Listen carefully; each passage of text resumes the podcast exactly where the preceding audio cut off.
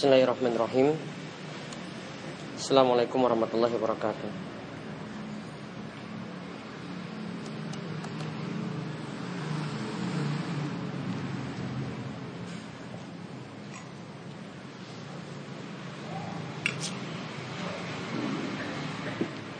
Alhamdulillahirrabbilalamin Hamdan kasiran tayyiban barakan fihi kami yuhibbu rabbuna wa yardah. Wa asyhadu an la ilaha illallah wahdahu la syarika وأشهد أن محمدا عبده ورسوله اللهم صل على نبينا وسيدنا محمد وعلى آله ومن تبعهم بإحسان إلى يوم الدين اللهم انفعنا بما علمتنا وعلمنا ما ينفعنا وزدنا علما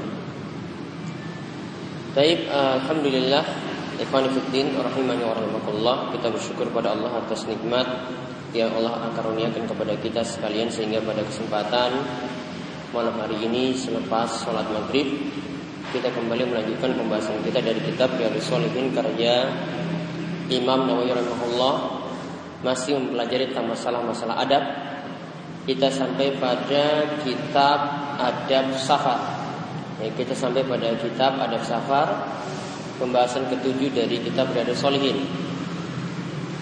Kita masuk pada bab ke 166 yaitu di awal-awal pembahasan safar ini yang Nawawi membawakan judul bab istihbab al-khuruj yaumul khamis wa istihbabuhu awalan nahar yaitu disunahkan untuk keluar safar pada hari Kamis. Dan disunahkan keluarnya pada awalan nahar yaitu pada pagi hari.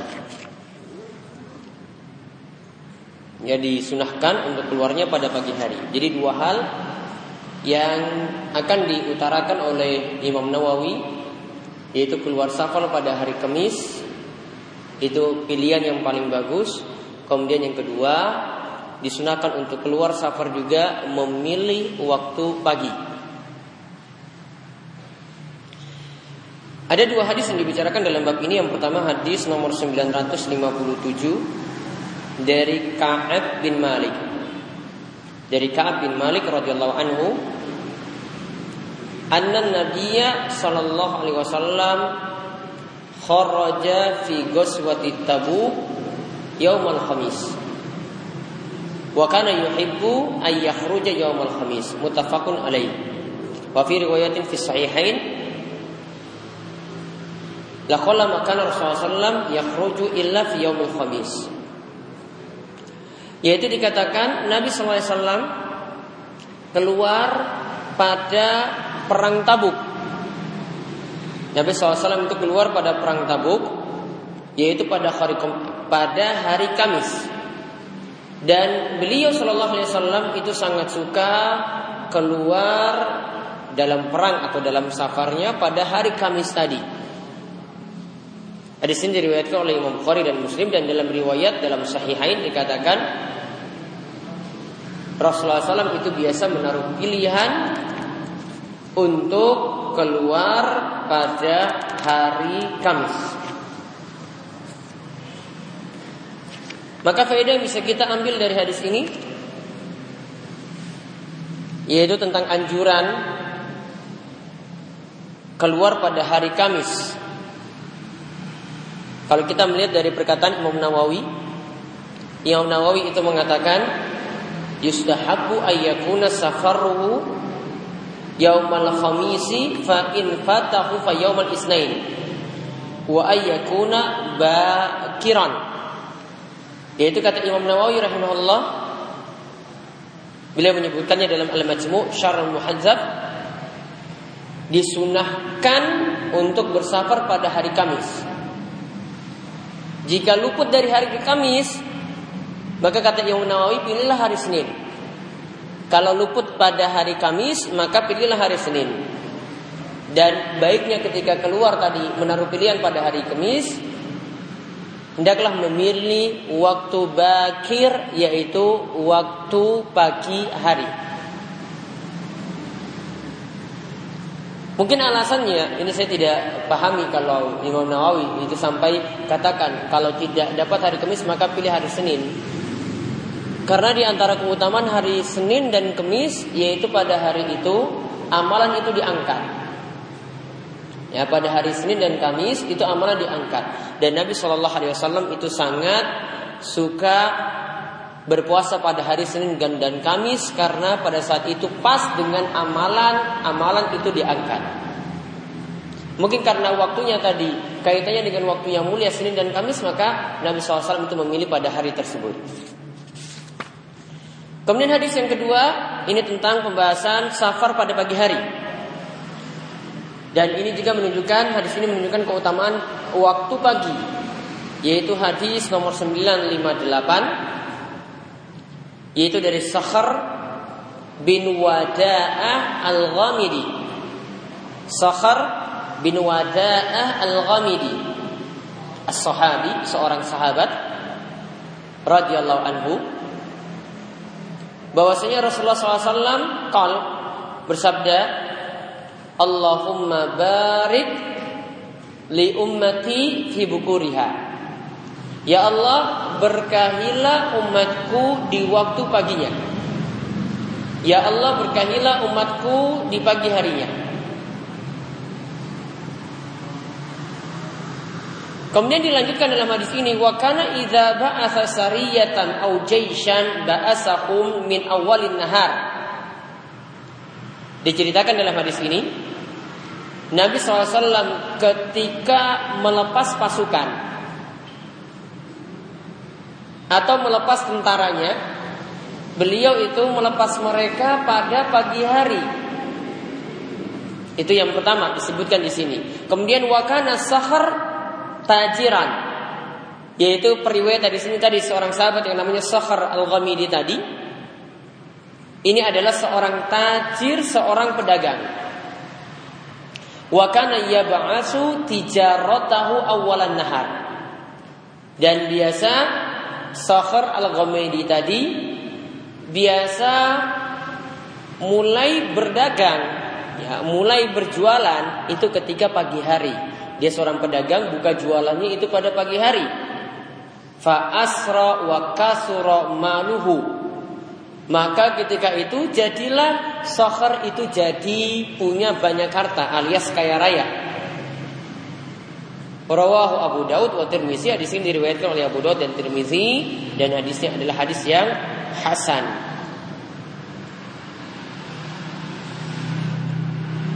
Faedah dari hadis ini yang bisa kita ambil yang pertama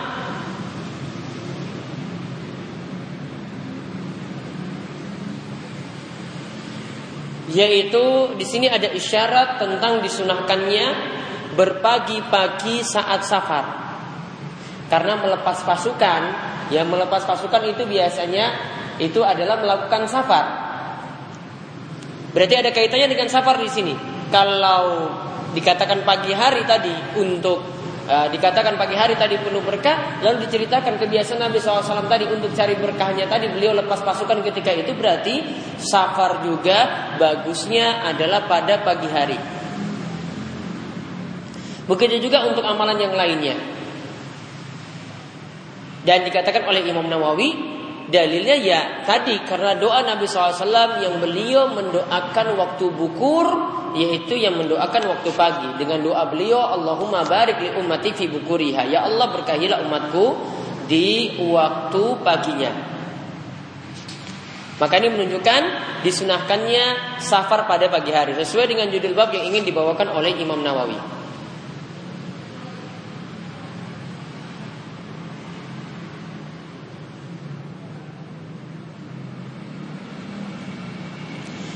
Kemudian hadis ini juga menunjukkan orang yang memperhatikan hadis Nabi atau mengamalkan hadis Nabi Sallallahu Alaihi Wasallam bisa dapat berkah. Orang yang memperhatikan hadis Nabi SAW itu bisa mendapatkan berkah. Artinya dia dapat kebaikan yang banyak ketika itu. Contohnya tadi sohar karena tahu Nabi SAW mendoakan waktu pagi, maka kebiasaannya adalah buka jualan di pagi hari maka akhirnya dia mendapatkan kebaikan yang banyak. Dan lihat perkataan dari At-Tibi, seorang ulama yaitu dia punya kitab yang menjelaskan syarah Miskatul Masabih. Di situ dikatakan dia katakan musafir berdasarkan hadis ini disunahkan untuk bersafar pada pagi hari, awalun nahar. Lihatlah safar kata beliau itu sampai memperhatikan sunnah ini dan dia adalah seorang pedagang. Dia biasanya untuk mulai jualannya beliau mulai dari pagi hari untuk berdagang fakasura maluhu bi barakati mura'at sunnah lianna doa Nabi SAW makbulun la majalah. Maka dikatakan oleh At-Tibi tadi, maka lihat hartanya sefer akhirnya tambah berkah, tambah banyak. Karena apa? Memperhatikan sunnah Nabi Shallallahu Alaihi Wasallam. Dan ingat, doa Nabi Shallallahu Alaihi Wasallam itu adalah doa yang makbul, doa yang mustajab la majalah yang sangat tidak mungkin itu tertolak. Kemudian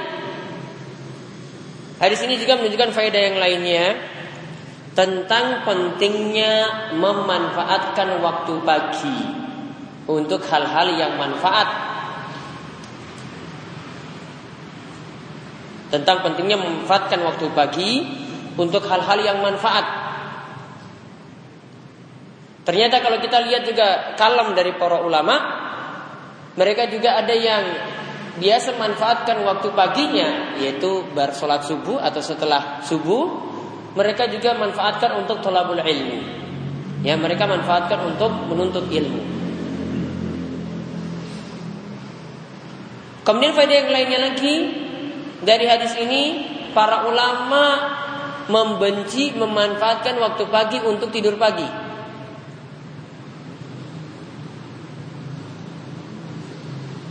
Coba perhatikan perkataan dari Ali bin Abi Thalib di sini dinukilkan dalam Al-Adab Asy-Syar'iyyah Ibnu Muflih. Ali mengatakan perkataan yang menunjukkan ya jeleknya tidur di pagi hari.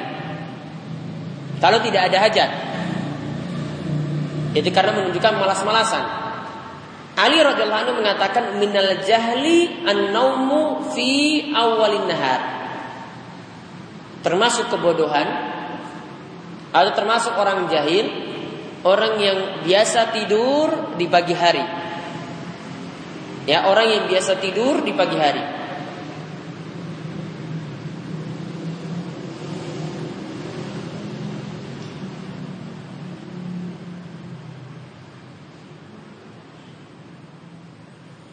Kemudian juga ada perkataan dari Ibnu Mufli Al-Hambali yang lainnya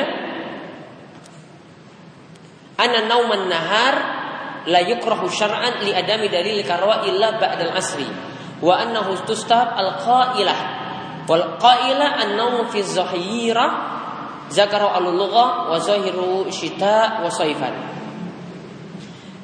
Ibnu Mufli punya perkataan yang lain. Beliau katakan bahwasanya kalau kita lihat uh, perkataan yang ada dari ulama mazhab Hambali, ternyata Naumun nahar la yukrah. Kalau tidur di siang hari, ya tidur di siang hari, yang disebut tidur di siang hari itu tidaklah makruh secara syar'i karena tidak ada dalil yang mengatakan itu makruh. Kecuali di sini ba'dal asri. Kecuali tidur setelah asar, cuma dikatakan makruh saja. Dan di siang hari itu tustahab al-qailah disunahkan untuk tidur qailulah. Tidur tidur yang barang sebentar menjelang zuhur. Itu namanya tidur qailulah. Tidur yang barang sebentar sebelum zuhur. Ini pernah kita bahas ketika kita bahas tentang masalah istizan, meminta izin ketika masuk dalam kamar bagi anak yang belum balik. Ketika itu di waktu qailulah karena waktu tidur maka hendaklah meminta izin.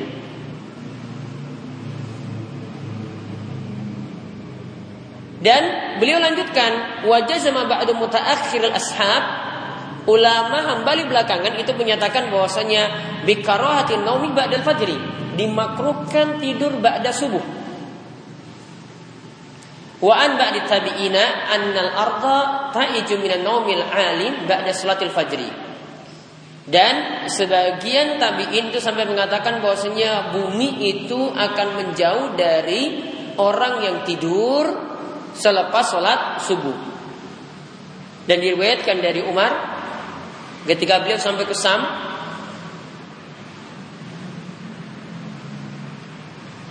Dia ketika itu melihat Muawiyah. Dia itu hamil lahmi. Ya, bisa diartikan perutnya itu gemuk. Kemudian ketika itu Umar mengatakan kepada Muawiyah, "Ya Muawiyah, mahada kok bisa terjadi padamu seperti itu?" La'allaka tanamu naumatat duha. Boleh jadi engkau itu biasanya tidur pada waktu duha, maksudnya tidur setelah subuh. Fakal maka ketika itu Muawiyah mengatakan ya Amirul Mukminin alimni mimma alamakallah. Kalau begitu wahai Amirul Mukminin wahai Umar ajarkanlah kepadaku apa yang Allah Subhanahu wa taala ajarkan. Wa ra'a Abdullah bin Abbas ibnan lahu naiman naumatat duha faqala lahu kum atana Musa alati taksimu fiha al-arzak dan disebutkan perkataan yang lainnya dari Ibnu Muflih. Kalau tadi Muawiyah minta kepada Umar untuk ajarkan sesuatu yang Allah Subhanahu wa taala berikan kepada Umar. Artinya Umar itu tidak suka melihat Muawiyah itu tidur di pagi hari. Kemudian Ibnu Muflim menyebutkan lagi perkataan dari Abdullah bin Abbas. Dia ketika itu punya anak yang biasanya tidur di pagi hari. Maka dia mengatakan kepada anaknya, "Kum atana musa'ah Bangunlah engkau, apakah engkau itu mau tidur pada waktu yang taksimu fiha arzak? Pada waktu yang rizki itu dibagi ketika itu yaitu rizki itu mudah dibagi pada pagi hari. Wazalika iya annahu waktu talabur rizki wa sa'yi fihi syar'an wa urfan indal uqala dan perlu dipahami bahwasanya waktu pagi hari itu adalah waktu di mana orang itu mencari rizki dan waktu untuk bekerja itulah yang dianggap oleh syariat oleh urf dan inilah yang dianggap oleh orang-orang yang berakal sebagai waktu yang terbaik untuk mencari rizki.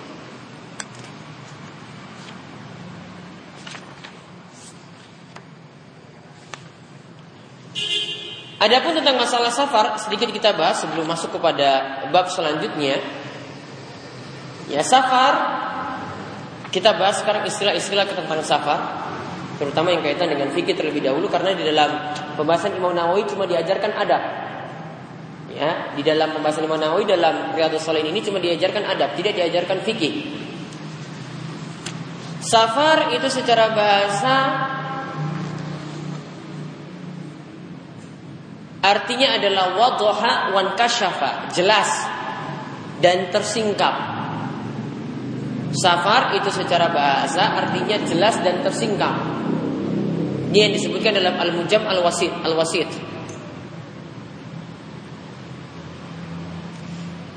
Kenapa dikatakan demikian? Kok safar itu artinya jelas kemudian selalu dikatakan tersingkap? Para ulama itu jelaskan karena seseorang yang biasa bepergian dan dia ketika itu dinamakan musafir, itu akan dikenali wajahnya.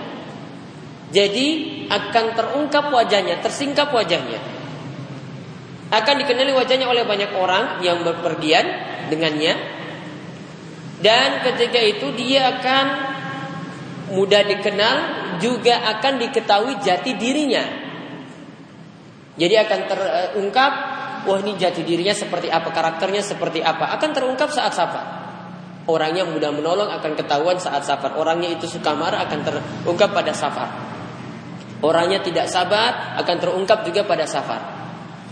Maka kalau membuktikan seorang itu wataknya seperti apa, coba temani dia untuk melakukan perjalanan jauh.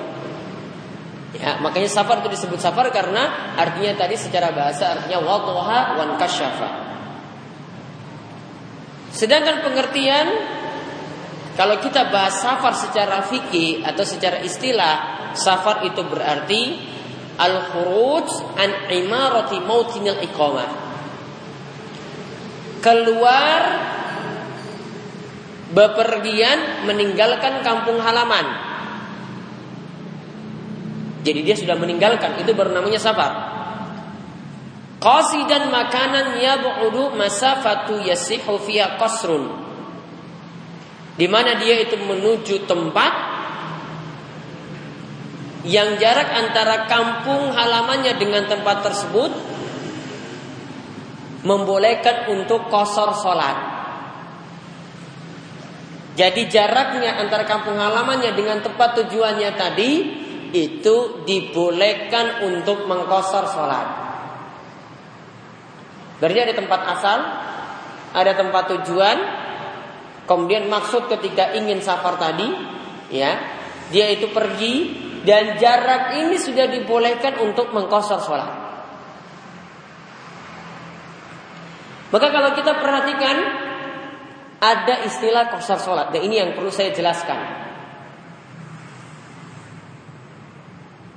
Kosor sholat kalau kita kaitan dengan jarak tadi, berapa jarak yang dibolehkan seseorang itu boleh mengkosor sholat?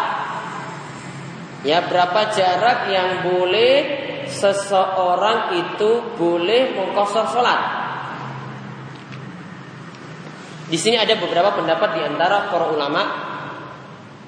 Kalau menurut jumhur atau mayoritas ulama yaitu dari Syafi'i, Hambali dan Maliki, mereka nyatakan jarak yang boleh mengkostor sholat itu adalah jarak empat burut atau 16 farsah yang ini kalau dikonversi jadi 48 mil atau 85 kilometer. 48 mil atau 85 kilometer. Dalilnya karena Ibnu Umar wa Ibnu Abbas radhiyallahu anhum yaksurani wa yuftirani fi arba'ati burud wa hiya sittata asyara farsahan. Ibnu Umar dan juga Ibnu Abbas itu biasa mengkosor sholat dan tidak puasa ketika menempuh jarak empat burut. Yang empat burut itu dikatakan 16 farsah. Kalau kita konversikan tadi, itu jarak yang ditempuh adalah 48 mil atau 85 kilometer. Hitungan ini dari batas kota. Ya, hitungan ini dari batas kota. Misalnya Jogja, ya kalau gampangannya kalau kita uh, lepas landas dari bandara, nah itu sudah mulai keluar dari batas kota. Nah itu ketika itu jarak itu yang nanti ditem- yang dihitung sampai 85 km atau 48 mil.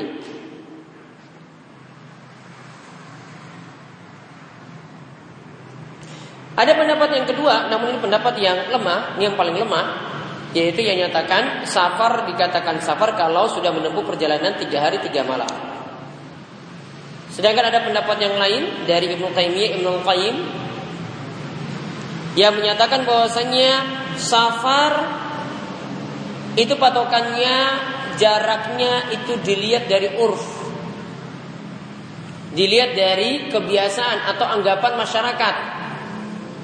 Kalau misalnya dia menganggap kalau dari Jogja ke Solo itu sudah dikatakan safar, maka boleh mengkosor sholat.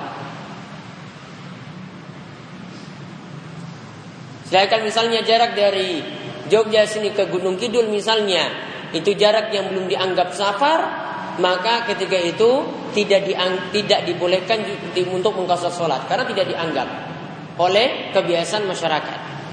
Apalagi kalau jarak yang ada tadi tidak sampai ketetapan dari jumhur yang 85 kilo. Ya. Sini Ibnu Taimiyah kenapa tidak pakai patokan jarak tadi? Ada beberapa dalil yang beliau pakai, di antaranya Pernah Nabi Sallallahu Alaihi Wasallam ini dikatakan oleh Anas bin Malik. Salat Nabi SAW bil Madinah arbaan.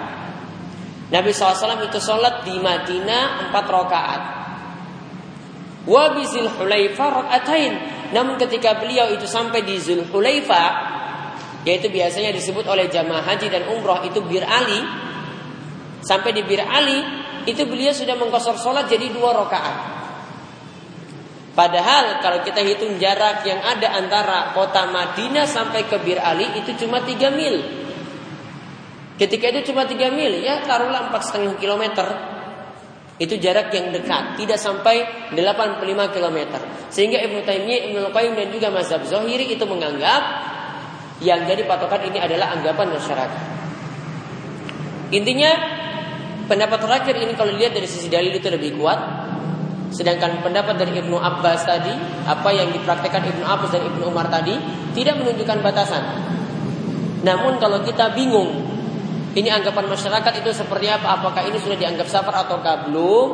Maka baiknya pakai patokan jarak. Kalau menempuh jarak 85 kilo, ya itu yang dijadikan patokan. Namun kalau anggapan masyarakat meskipun sudah dikatakan safar walaupun jaraknya tidak sampai 85 kilo, maka patokan masyarakat itu yang dijadikan standar ketika itu. Nah sekarang bagaimana lama waktu untuk mengkosor sholat? Bagaimana lama waktu untuk mengkosor sholat?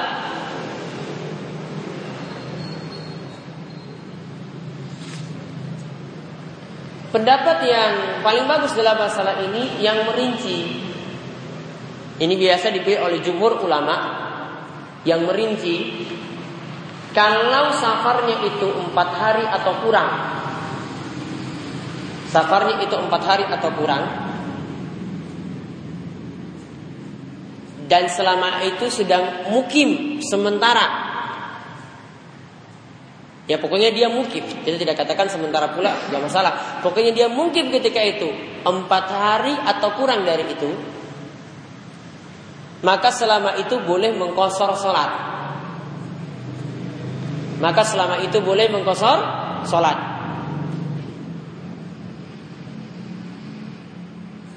Namun jika musafir tadi berniat mukim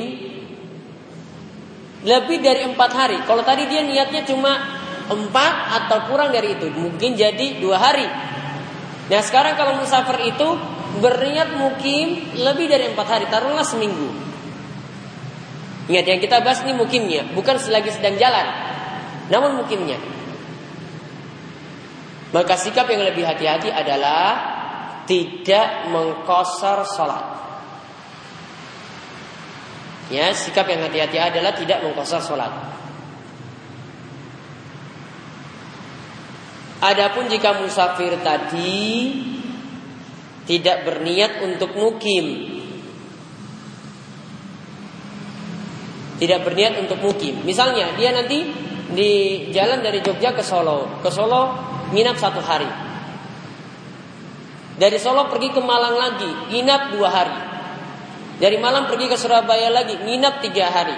Pindah-pindah terus maka selama itu dia boleh mengkosor sholat karena tidak niat mukim.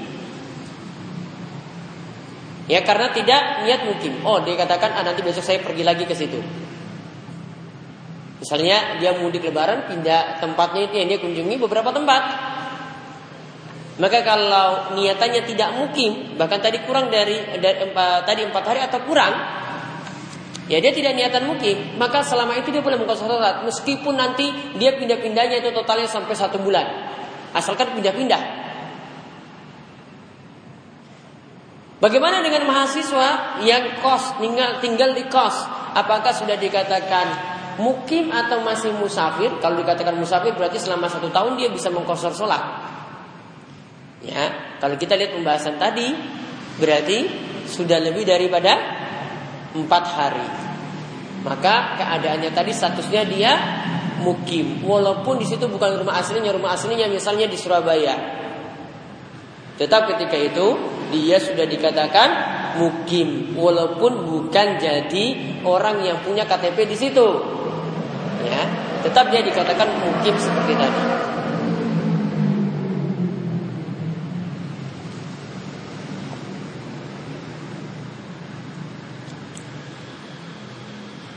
Nah sekarang tentang tata cara pelaksanaan sholatnya. Kalau kita lihat dari definisi tadi, dikatakan jarak yang ditempuh tadi boleh mengkosor sholat. Maka yang ada pada safar itu adalah kosor. Jamak itu tidak mesti pada safar, namun yang ada adalah kosor sholat. Kosor sholat itu artinya meringkas sholat yang empat rakaat menjadi dua rakaat. Berarti sholat zuhur, sholat asar, dan sholat isya. Ya sholat zuhur, sholat asar dan sholat isya. Nah sekarang masalahnya kalau kita mengkosor sholatnya kita berada di belakang Kita sekarang berjamaah. Kalau sesama musafir, ya tidak ada masalah. Semuanya itu bisa mengkosor sholat ketika itu. Nah sekarang, apakah mengkosor sholat itu wajib atau cuma sekedar boleh? Kalau menurut sebagian ulama katakan wajib. Karena Nabi SAW tidak pernah meninggalkan kosor sholat ketika beliau safar. Namun jumhur ulama, kebanyakan ulama itu menyatakan kosor sholat itu boleh, bagian dari ruksa. Artinya yang mau ambil ya monggo silakan, yang tidak ambil juga dia boleh laksanakan secara sempurna. Walau alam pendapat yang lebih tepat dalam masalah ini adalah pendapat jumhur ulama yang katakan sifat kosor sholat tadi bukan wajib namun boleh. Sifat kosor sholat tadi itu bukan wajib namun boleh. Di antara dalilnya adalah ini yang biasa dipakai oleh ulama Syafi'iyah dari Ibnu Umar ah, di antara dalilnya adalah ini yang biasa ini dipakai oleh Ibnu eh, Imam Nawawi beliau katakan Ibnu Mas'ud ketika itu pernah bermakmum di belakang Utsman dan Utsman itu melaksanakannya sholatnya tidak kosar. Beliau melaksanakan sholat yang sempurna dan Ibnu Mas'ud ketika itu tidak memprotes. Namun Ibnu Mas'ud juga mengatakan Ibnu Umar itu menyelisih sunnah Nabi. Namun dia masih sholat di belakang Utsman. Padahal kalau seandainya itu wajib, maka dia sudah tegur Utsman bin Affan dan ketika itu tetap harus dilaksanakan ya sholat tadi dengan cara dikosor. Atau dia ketika itu Ibnu Mas'ud tidak sholat di belakang Utsman bin Affan. Padahal sama-sama musafir ketika itu. Intinya pendapat jumhur yang katakan uh, tadi hukum kosong salat itu adalah boleh, artinya diambil keringanan tadi itu sebenarnya lebih baik. Ya, walaupun di sini tidak wajib menurut jumhur atau mayoritas ulama. Nah, sekarang masalahnya kalau musafir itu bermakmum di belakang imam mukim, imam mukimnya sempurna. Zuhur 4 rakaat atau Isya 4 rakaat. Tadi keadaan musafir bagaimana? Kalau dia yakini tadi dia kosor, apakah dia ikuti imam atau dia tetap kosor nanti setelah sampai dua rakaat dia rampungkan, dia salam. Maka perlu dipahami kalau makmum seperti itu dia kondisinya itu musafir dan dia itu sholat di belakang imam mukim dia tetap ikuti imam mukim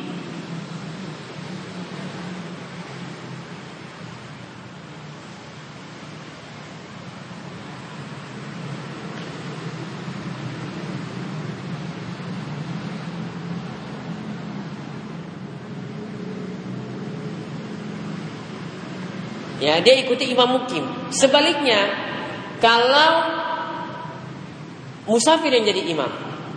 Ya, kalau musafir yang jadi imam, yang di belakangnya itu eh, yang di belakangnya itu jamaah mukim, maka ketika itu musafir boleh mengkosor sholat dan nanti jamaah yang mukim tadi nanti nambah kekurangannya yang ada. Misalnya sholat isya, musafir tadi kosor jadi dua.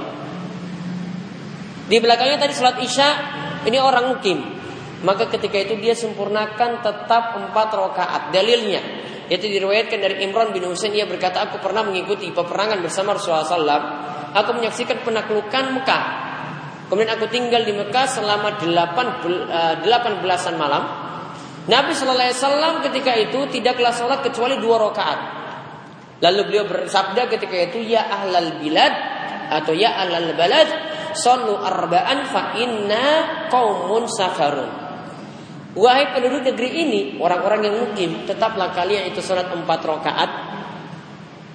Dan saya ini adalah musafir orang yang bersafar. Saya tetap mengkosong salat dua rakaat karena Nabi SAW ketika itu jadi imam. Dan beliau ketika itu tetap mengkosor sholat. Artinya ketika sholat tadi dilaksanakan nanti kekurangannya nanti yang mungkin tadi tinggal sempurnakan.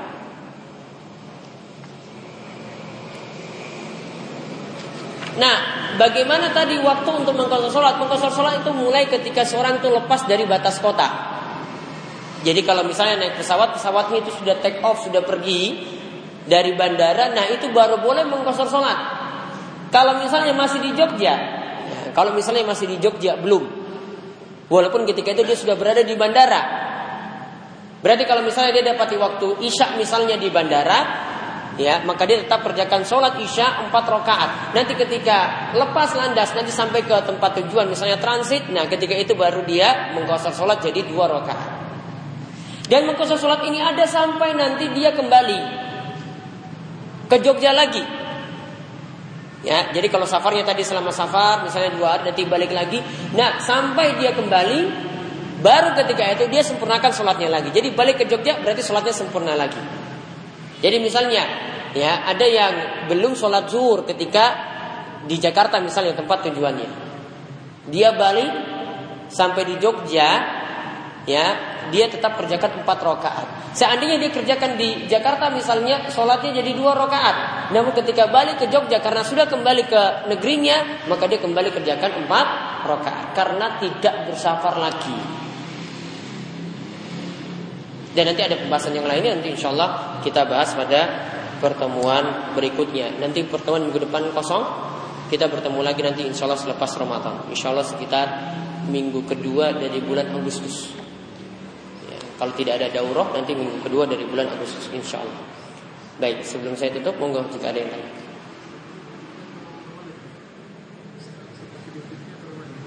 Setelah Ramadan, ya setelah Idul Fitri, setelah Idul Fitri sekitar minggu kedua kalau saya tidak ikut daurah.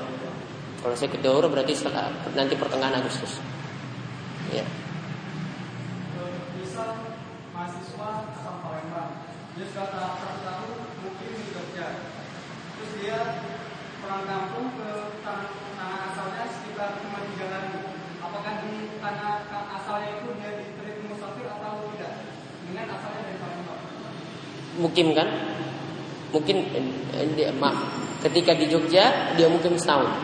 Balik ke sana tiga hari. Walaupun itu kampungnya, namun dia cuma sementara. Nanti balik lagi, tidak sampai empat hari. Tidak sampai lebih daripada empat hari. Dan niatannya cuma tiga hari, maka ketika itu dia masih boleh mengkosor sholat. Namun pembahasannya nanti apakah setiap sholat nanti dia sendiri nanti kosor? Jawabannya tetap baik ikut jamaah. Nanti kalau selama perjalanan saja, selama perjalanan dia dapati sholat sesama musafir atau sholat sendiri, maka dia nanti mau ke sholat. Namun ketika dapat masjid, nanti di Palembang misalnya dapat masjid, maka dia ikut jamaah, jadi sholatnya sempurna. Ada lagi? Ya.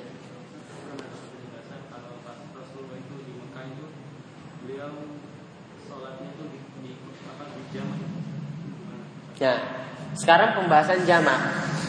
Pembahasan jamak itu ada ketika sulit mengerjakan sholat di masing-masing waktu. Jadi, misalnya maghrib dan isya. Kita dalam perjalanan. Nih, maghrib tidak bisa kita kerjakan karena dipersyaratkan kalau sholat wajib itu turun dari kendaraan. Bisa yang nanti turun dari kendaraan nanti setelah dapat sholat isya. Maka maghrib diundur. Waktu itu diundur ke waktu isya. Boleh dijamak dan ketika itu jadinya jamak kosor. Namun ingat jamak ini tidak tidak hanya ada ketika safar. Namun kalau kosor itu yang ada ketika safar saja.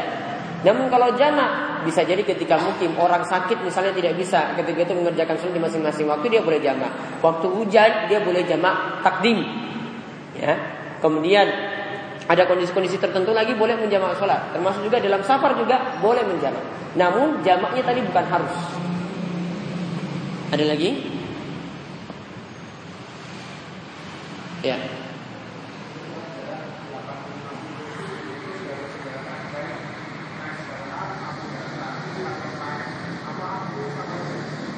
Delapan lima kilonya itu jarak yang ditempuh pokoknya.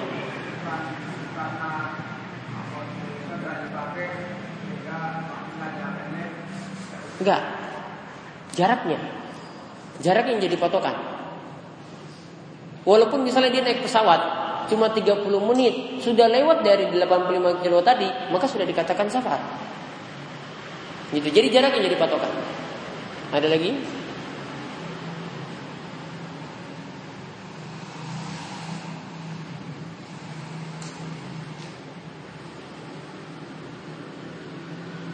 Kok nggak bisa tanya tentang safar dan yang kaitannya dengan safar?